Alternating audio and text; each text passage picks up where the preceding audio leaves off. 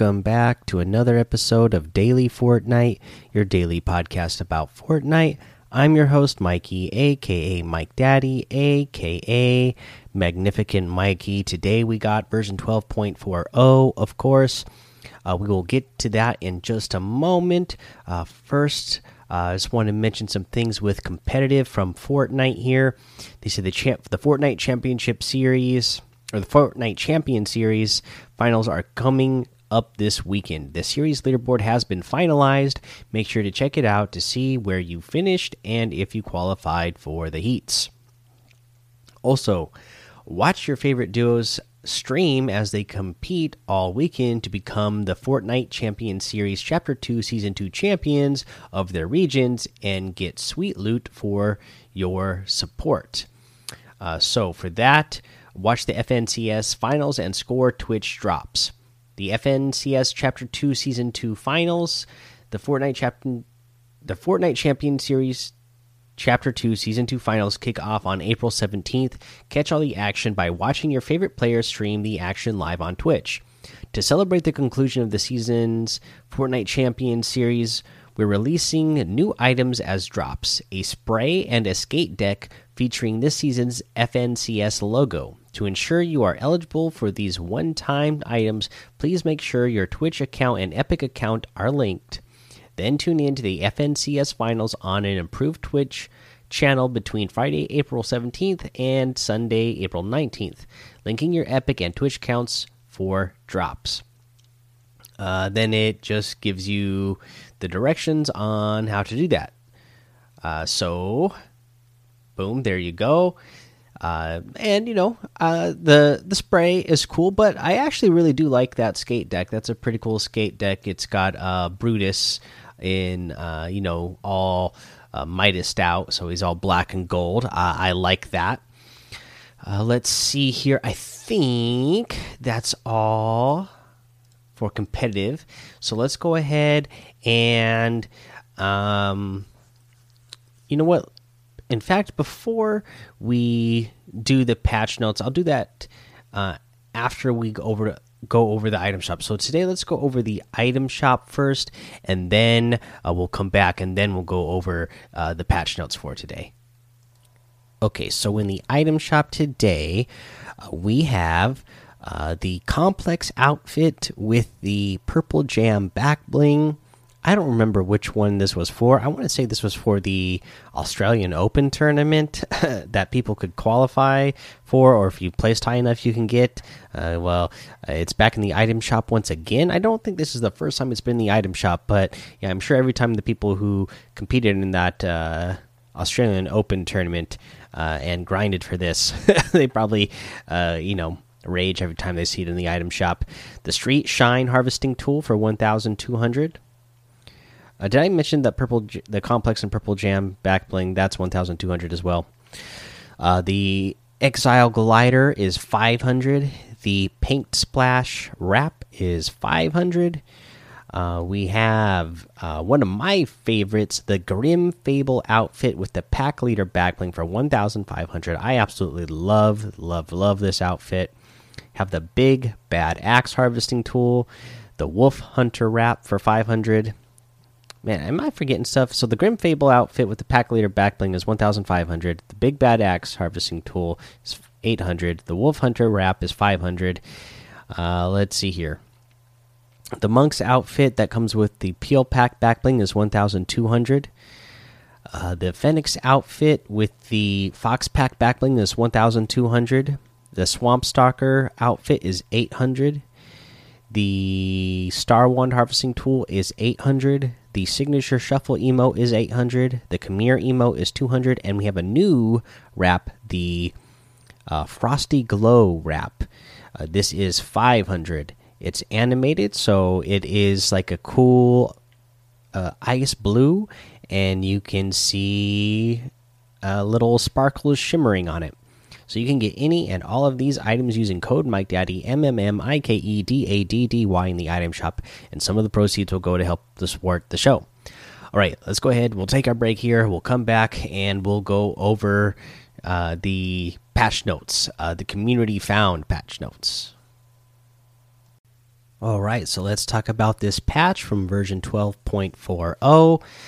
Uh, first up, uh, the big change that we got is this compass change, right? So uh, now, what happens with the the compass is you will get a red dot. So you really got to pay attention to your compass now. Uh, it's a lot more useful to pay attention to your compass now, uh, because uh, when you see a red dot on your compass, that means there is there is uh, shots being fired from that direction. They don't they don't even have to be shot at you. That just is indicating that there's shots being fired in that direction. So that is actually really useful because uh, uh, you know obviously if you're getting shot at, uh, this gives you an indicator letting you know what direction you're being shot at from. And this is great for me because I don't like using the audio visual, uh, the audio visualization thing. I like having the 3D sound on, uh, and that turns off if you turn on the audio visualiz visualization. Um, so uh, now you know what direction they're they're shooting at you from, but also if it's quite clear to you that nobody's shooting at you, but you see the red dot, that means uh, there's probably a battle going on or somebody shooting at somebody, and then maybe that gives you a chance to make the decision: Am I in a good position? Do I have a good loadout? Do I have uh, enough mats that I can go uh, safely and smartly third party uh, this fight over here and uh, pick up uh, some eliminations? Now, this is where again I really wish we had real patch notes from Epic, and I and this is where I am going to criticize them on because you know what would be really great if we had real patch notes and they gave us this type of information. Uh, it would be great uh, if they actually give us stats for this. So I'd love to know uh, because it's quite obvious that there's probably fighting happening all the time in the game. But if you land off somewhere far over in a corner somewhere, you're not going to see the red dot. So there's obviously some sort of range to this from where that red dot is going to appear on your map. And I sure would love to know what that range is because like I said, now you can make the decision there's there's a battle over there because uh, you see that red dot and they're not firing at you so you're going to assume that somebody's you know there's two people probably shooting at each other now you're making the decision: do I run run over there? Uh, but if you don't have an indicator on how far it is, maybe you you don't know if it's worth going over that far. Especially is the zone rotating soon? Are you far from zone or are they close by? So yeah, you want to go uh, try to take these guys out real quick. Uh, it, it'd be loved. It'd be great to know to know what is the uh, maximum amount of distance that this uh, red dot will appear. That way, I know. Hey, e even if it was, you know, hundred meters, I'd love to know that. Hey, if I see that red dot, that means at the most this person is hundred meters away, and I can make the decision: is it worth it to go, you know, hundred meters or less for that, or do I just need to go right now? That kind of information would be uh, really useful. Uh, for map changes, uh, we see that the uh, agency has changed.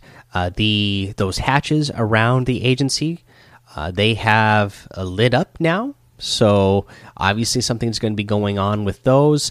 And then over at the shark, you'll notice that something big has changed over there even when you first drop into the game because it has now changed to a question mark so you have to it's like discovering a new area again and when you go over there the shark has been uh converted into a prison. So there's a big, you know, it's a big prison there. There's a basketball court. Um, there's a little island next to it now that seems to be some other sort of like special prison for someone. Uh, so, yeah, cool little map changes there. Uh, let's see here for uh, the bug fixes. So they fixed controllers not vibrating when taking damage. They fixed Midas's golden touch not changing items gold. Uh, the grenade has been re-enabled, but that is just for uh, public matches only, so that uh, the competitive playlists do not have grenades. Proximity mines have been temporarily disabled. Let me double check that one. Actually, I want to say that I saw that they got that fixed already. Let me double check. Uh, let's see here. Yes, the the issue has been resolved and proximity mines are back in the game. So forget that one. Those those are those are back in the game now. Um, let's see here. They fixed being able unable to interact with Ollie, preventing completion of Skye's Adventure challenge. They fixed pool of player or henchman with a harpoon gun challenge, and fixed visual, visualized audio pulsing icons instead of being solid.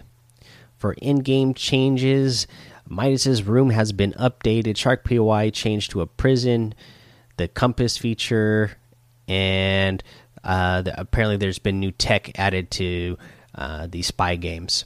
Oh, and by the way, I, am getting these patch notes. It's you know again, thankfully the community has been around, and then uh, over on FortniteIntel.com they put all the stuff together in one single place that you can easily see all the changes that the community uh, has found. Again, yeah, I would really love it if Epic put out the official patch notes. Uh, once again, uh, you know, I know they've done so many things lately, like the SBMM, uh, skill based matchmaking, the the bots, all to help out lower skilled uh, and new players, right? I think a thing that would really help new players is when there's changes made to the game that you tell them what those changes are and then they don't have to figure it out themselves. so I'm really hoping on the next big patch that uh, you know you know it's really just come up within the last couple days is where it's gotten just totally rampant on social media that the uh, people have been really going after them uh, but i again a lot of people uh, mention the communication so i'm hoping i don't know maybe they just didn't plan to do it on this patch um, so they didn't have time to do it maybe i don't know. But hopefully by the next patch we are going to start getting that communication again with patch notes. I'm just cross my fingers. I hope you guys cross your fingers too and let's let's get them to release some patch notes all right, guys, that's the end of the episode. So go join the Daily Fortnite Discord and hang out with us. Follow me over on Twitch, Twitter, and YouTube. It's Mike Daddy on all of those. Head over to Apple Podcasts, leave a five star rating and a written review for a shout out on the show. Make sure you subscribe so you don't miss an episode. And until next time, have fun, be safe, and don't get lost in the storm.